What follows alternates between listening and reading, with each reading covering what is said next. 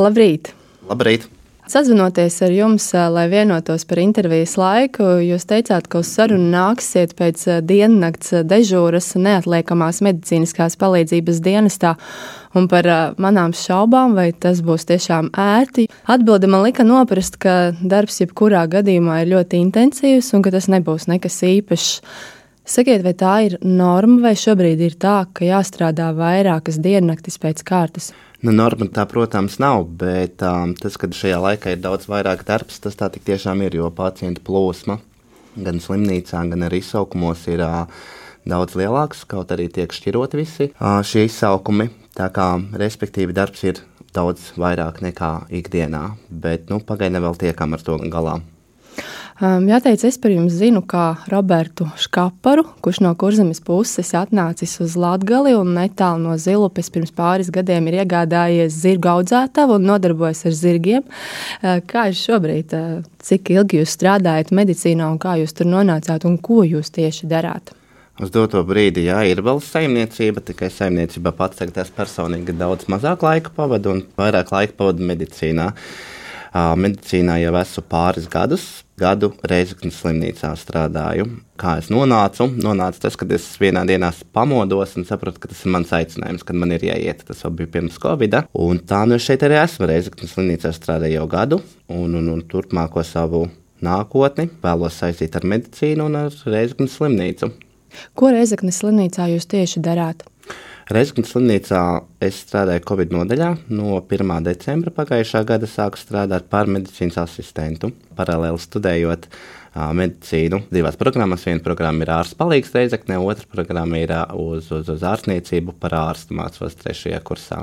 Vienīgais pagaidām uz doto brīdi nevarēja visu apvienot, tāpēc paņēmu vienu akadēmisko gadu uh, Latvijas Universitāte medicīnas fakultātē ārstniecības katedrā akadēmisko gadu. Sakāt, ka pamodāties un sapratāt, ka tas ir jūsu aicinājums. Kā jūs to sapratāt? Vai bija kaut kādi dzīvē notikumi? Mana pirmā medicīniskā izglītība tā ir veterināra medicīna. Tad es sapratu to, ja es varu palīdzēt šajā gadījumā dzīvniekiem, tie, kur nespēja par sevi parūpēties, bet viņi ir atkarīgi no cilvēkiem, tad es sapratu to, kādēļ es nevaru mēģināt palīdzēt arī cilvēkiem.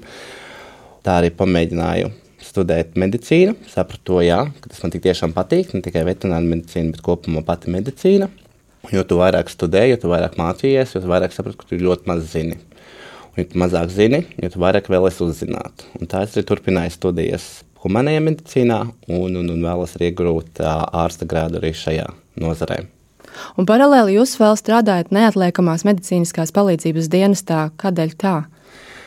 Tādēļ, ka um, no sākuma strādāju tikai un vienīgi Reizeknas slimnīcā, tad es sapratu, to, ka man ir vēl laiks vēl kaut kam veltīt. Un, protams, ka veltīšu laiku tam, kas man patīk, kas man saista. Tad es izdomāju strādāt arī neatliekamajā medicīniskajā palīdzības dienestā. Uz brigādi, jo šajā gadījumā tās ir divas dažādas lietas. Reizeknas slimnīcā jau pacients tu tā kā ārstē, šo pacientu jau redz tā kā no saslimšanas brīža līdz izvesaļošanas, jau līdz izrakstīšanās brīdim, bet tieši neatliekamajai medicīnai ir tas, ka tu uz katru izsaukumu brauci uz kaut ko jaunu. Tu nezini, kas tur būs, kas tevi sagaida, kas pacientam kaiš. Jo daudz dažādu gadījumu, daudz dažādi pacienti, jaunas pieredzes, jaunas zināšanas, jaunas iespējas. Jūs arī vakcinējat? Jā, es arī vakcinēju. Es sāku vakcinēt šajā gada vasarā. Es arī palūdzu, vai es nevaru arī iet paskatīties, kā arī notiekās šīs, šīs vakcinācijas procesi. Man arī interesēja. Man piedāvāja, es arī nevēlos pats iemēģināt roku šajā lietā, un tad es piekritu. Un tad nu, es arī paliku jā, arī vakcinācijas centrā. Es sāku strādāt, kas bija mm, liela mēroga vakcinācijas punktā Gorā. Un tad jau beigās vakcinācijas punktā Reizeknas slimnīcā. Vai jūs braucat arī pie cilvēkiem, pie viņiem uz mājām, uz lauku viensētām? Jā, mēs arī rīkojam izbraukumu vakcināciju. Šajā gadījumā arī braucam pie pacientiem, respektīvi pie cilvēkiem uz, uz, uz mājām vakcinēties. Jo ir ļoti daudz šādu cilvēku, kuri nespēja atbraukt līdz šīm vakcinācijas punktiem. Pirmkārt, nav savs transports, otrkārt, tik veselības stāvokļa dēļ. Tā kā nevar atbraukt, un līdz ar to šo pakalpojumu sniedzam uz mājām, un arī mēs braucām pie šiem cilvēkiem uz mājām. Kā notiek cilvēku apzināšana? Jūs saņemat sārakstu, kur jums ir jābrauc, cik liela ir šī komanda, kas dodas pie šiem cilvēkiem, kā jūs atrodat šo ceļu, jo cilvēki dzīvo dažādās vietās. Šo cilvēku apzināšana, respektīvi, notiekas pirmkārt caur ģimenes ārstu. Pats ģimenes ārsts piesaka mājas vizītes šiem pacientiem, kuri teiksim, ir guļoši vai teiksim, tur ir ar kaut kādiem kustības traucējumiem, vai tieši pretēji, kā es jums teicu, ka nespēja izbraukāt no savas transporta. Tālāk par šo pašu Mājas vizīte arī pieteikt, zvanot uz 8989 konsultācijas, pieraksta tālruņa numuru. Vai arī ar pagastu pārvaldi. Mēdz būt arī tā, ka pagastu pārvalde pat apzina savus iedzīvotājus, un, un, un līdz ar to šis saraksts atnāk līdz Reizeknas slimnīcai vakcinācijas punktam, tad, respektīvi, Reizeknas slimnīca plāno šo vakcinācijas komandu, kura brauks respektīvi uz nosacītajiem šīm vakcinācijas izbraukumu punktiem. Vai tas būs mājās, vai tas būs uz, uz, uz pagastu pārvaldes, kas ir parasti kultūras nami, vai uz, uz sabiedriskajiem iestādēm, kas ir pagastu centros. Bet esat braucis arī pie cilvēkiem uz mājām? Esmu arī pats braucis uz mājām, un, un, un, un ko es varu pateikt, kad, um, kā jau mēs zinām, kad Latvijā mm, ir diezgan lieli attālumi no, no viena punkta līdz otram punktam, ceļā, ka tās ir lauku viensētas. Un tie lielākie sarežģījumi, kas mums arī Latvijā ir, tie ir nokļūšana līdz šīm mājām, jo Lauku viensētas mums ir diezgan tālu no pilsētas, līdz ar to tur ir nu, tāds bezceļš mēdz arī būt, kad, kad īsti nav šie pacienti tā kā sasniedzami parasti ar vieglajām automašīnām. Bet nu, pagaidām mēs esam visveiksmīgi, diezgan arī esam palikuši uz ceļa. Bet tas tāds, tāds sīkums no visām pārējām ķibelēm, kas ir ikdienā bijušas. Parasti tā, ka uh, ir cilvēku skaits, piemēram, dienā 30 cilvēki ir iedoti šai brigādei. Tas ir ļoti daudz. Tā kā liekas, ka tas ir 30 cilvēki, tas nekas nav. Bet mēdz būt tā, ka. Uh, Attālums no viena cilvēka līdz otram cilvēkam mēdz būt tā, ka ir kaut kādi 30 km pa bezceļu, caur mežu, pāri pa laukiem. Un, un, un, un līdz ar to uh, ir šīs grūtības nokļūt no punkta A līdz punkta B. Tad mēdz būt arī tā, ka tālāk nevaram pabraukt. Tad mēs liekam mašīnu kaut kurā sēņa ceļā malā, un tad tālāk jau ejam ar kājām līdz šim cilvēkam.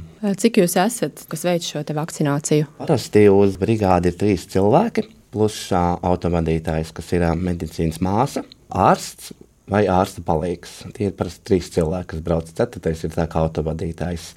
Uz doto brīdi mums tā, tiek piesaistīti arī NBS spēki. Līdz ar to viņi ar savu transportu pārvadā, bet principā pirms NBS piesaistīšanas tas bija Reisnas slimnīcas um, transports, kas tika organizēts. Un ko jūs darat tādās situācijās, kā automašīna iestiek dubļos un jūs tālāk netiekat? Stumjam, tālāk stumjam. Paši saviem spēkiem. Paši saviem spēkiem stumjam un izdodas tikt no tām Paldies, situācijām. Paldies, mēs esam tā kā ļoti dziļi iestiguši, bet tā kā virspusēji izstums mums ir nācies arī nu, veiksmīgi. Tad, kad ierodaties pie cilvēkiem mājās, ko viņi saka par eh, jūsu šādu vizīti, par to, ka ir iespējams vakcinēties mājās, eh, viņus biedē šī vakcinācija, šī slimība, atsakās varbūt arī vakcinēties? Tā, ka gluži atsakās vakcinēties, nav, jo šī uh, vakcinācija ir brīvprātīga. Pats cilvēks pazina šo vakcinācijas punktu, vai uz kopējo tālruņa tā kā piesaka savu vakcināciju. Principā, kad mēs aizbraucam, pats cilvēks ir priecīgs uh, mūs sagaidot. Mēdz būt arī tā, ka lielākajā daļā šie cilvēki ir kā, nu, vientuļi. Un tad līdz ar to ir bijis arī tā, ka nu, mēs aizējām ne tikai kā vakcinācijas birojas, bet arī kā, saka, kā psihologi, kur aiziet ar šiem cilvēkiem vienkārši parunā ne tikai par šo slimību, bet vienkārši par ikdienas lietām. Mēdz būt arī tāda kurioza, kad šiem pašiem vakcinācijas biroja darbiniekiem šajā gadījumā mums bija šāds gadījums, kad mēs esam palīdzējuši arī šiem cilvēkiem mēbeles pārstumt. Nu, vienkārši pats cilvēks mājās viens nu, fiziski nespēja to izdarīt, un līdz ar to arī mums ir paprasījuši šādu un palūguši, vai mēs nevaram palīdzēt. Un, protams, ka mēs tā kā neatsakām un palīdzam. Nu, lielākā daļa, ja šie cilvēki pateicīgi par to, ka mēs esam atbraukuši, jo tas ir tomēr viņu paša labad, un, un, un viņš šīs kā, slimības gāja apzinās, un līdz ar to viņi arī izvēlas vakcinēties. Un daudz prasa, no kāda jēga vakcinēties ar to, ja es pat dzīvo mežā. Bet šajā gadījumā, ko es varu pateikt, to, ka, nu, ja dzīvo mežā, tas nenozīmē to, ka tas cilvēks neredz nevienu citu cilvēku. To pati pasniedz, tas pats autoveikals. Mums arī bija viens gadījums, kad arī Reiknas slimnīcā viena kundze mm, iestājās ar covid pozitīvu.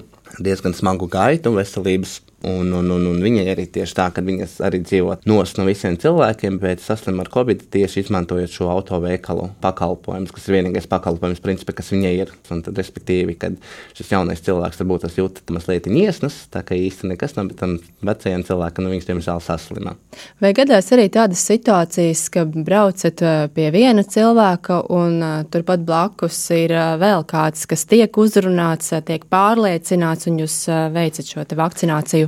Jā, ir bijuši arī tādi gadījumi, kad aizbraucām, kā piemēram, uz vienu lauku viensētu, kur paredzēts, teiksim, divi ģimenes locekļi vakcinēties, bet tad um, mūsu sagaidīja, piemēram, astoņi cilvēki. Tas bija tāds pēdējais tāds spilgtais gadījums, kas atceros, ka tā pati sieviete, kur pieteica šo vakcināciju mājās, sazvanīja vēl savus kaimiņus, Protams, mums par to nebrīdinot, bet nu, mums arī ir kaut kādas vienmēr rezerves līdzi ar tādu, no, tādu domu, ka, ja nu gadījumā vēl kāds grib vakcinēties, tad šajā gadījumā, jā, ka šī paciente, kura vēlējās, teiksim, vakcinēties, vēl pazvanīja saviem kaimiņiem, kad būs tāda iespēja, kad brauc, un tad līdz ar to ir šie cilvēki, tā, kas nāk vienās mājās, nāk vairākas ģimenes saimes, un tad, respektīvi, līdz ar to tad savakcinēs vairāk cilvēki.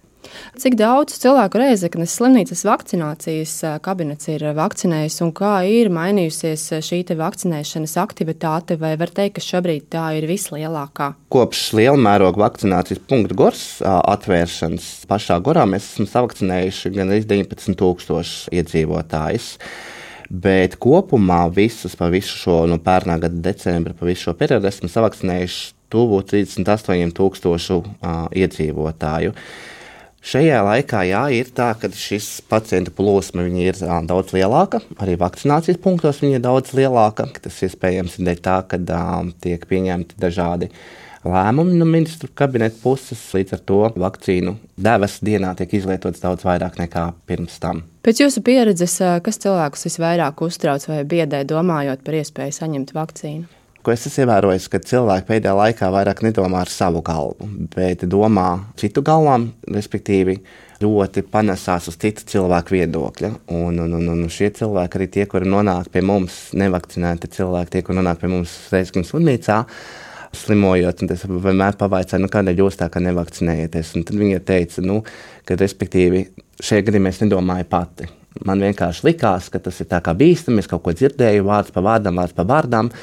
Tad, protams, atbildē būtu zinājusi, būtu vakcinējusies. Un tāpēc es vienmēr visiem cilvēkiem saku, ka, nu, ka mums katram ir sava galva dota, katrs spēj spriest par visiem lēmumiem.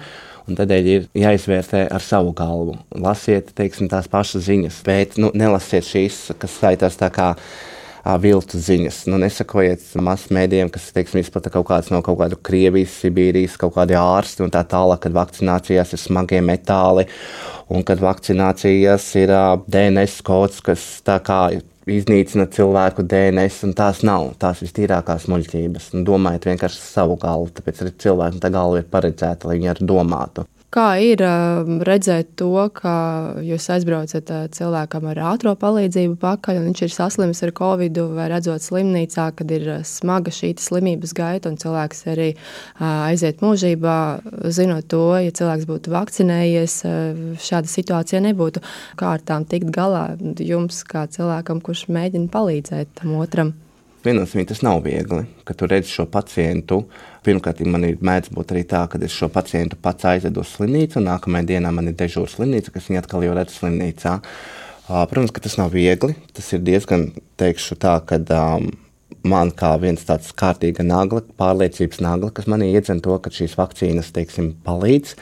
Nu, šajā gadījumā ar vakcinācijas vakcinēts cilvēks spēj saslimt. Tas ir viennozīmīgi, bet viņiem šie simptomi un šī slimības skaita ir daudz vieglāk nekā nevakcinētam cilvēkam. Un, un kad tu redzi šo cilvēku, piemēram, kad tu atved viņu no mājokļa un aiziet uz slimnīcu, kad redz viņu stāvokli pirms tam, un kad jau redz to, ka šis covid šajā organismā jau, teiksim, sāk bojāt šīs pašas plaušas, šīs slimības gaita, un kad redz to, ka pacients ar katru dienu paliek švakāks un svakāks, tad, nu, tas, protams, nav diez cik patīkami.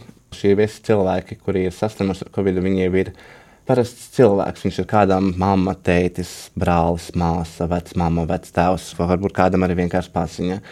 Un tas, protams, ir tāda, tāda tā sajūta, tāda bēdīga, kad, kad tu saproti to, ka vienā dienā viņš ir, un šeit pēkšņi viņš vairāk nav. Vai šādos apstākļos eh, strādājot un paralēli arī mācoties, un ņemot vērā to, ka tā ikdiena ir tik ļoti intensīva, nevienu reizi nesat eh, domājis, ka varbūt eh, tomēr nevajag mācīties un nevajag savu dzīvi saistīt ar medicīnu? Godīgi teikšu, nē. Man ir tieši pretēji. Ar katru dienu es saprotu to, jā, kad es esmu īstajā vietā, īstajā laikā, un saprotu to, ka man tas patīk. Man patīk tas, ko es daru, man patīk palīdzēt. Savu turpmāko dzīvi es arī vēlos teiksim, saistīt ar šo pašu medicīnu. Daudz runā par iztikšanas sindromu. Teikšu, godīgi, es viņu nezinu. Varbūt tādēļ, ka es esmu diezgan jauns šajā visā nozarē. Bet uh, es varu pateikt to, ka man patīk tas, ko es daru. Un es jūtos kā zivs ūdenī. Ja es spēju palīdzēt, es eju un daru. Ja es nespēju, es pastāvu kaut kur blakus un pamācos, lai zinātu, nākamreiz, ko darīt. Tā kā man patīk. Es esmu laikam atradis tā kā nu, savu sirds lietu. Jā, paldies, Robert, par sarunu. Lai jums veicās! Paldies!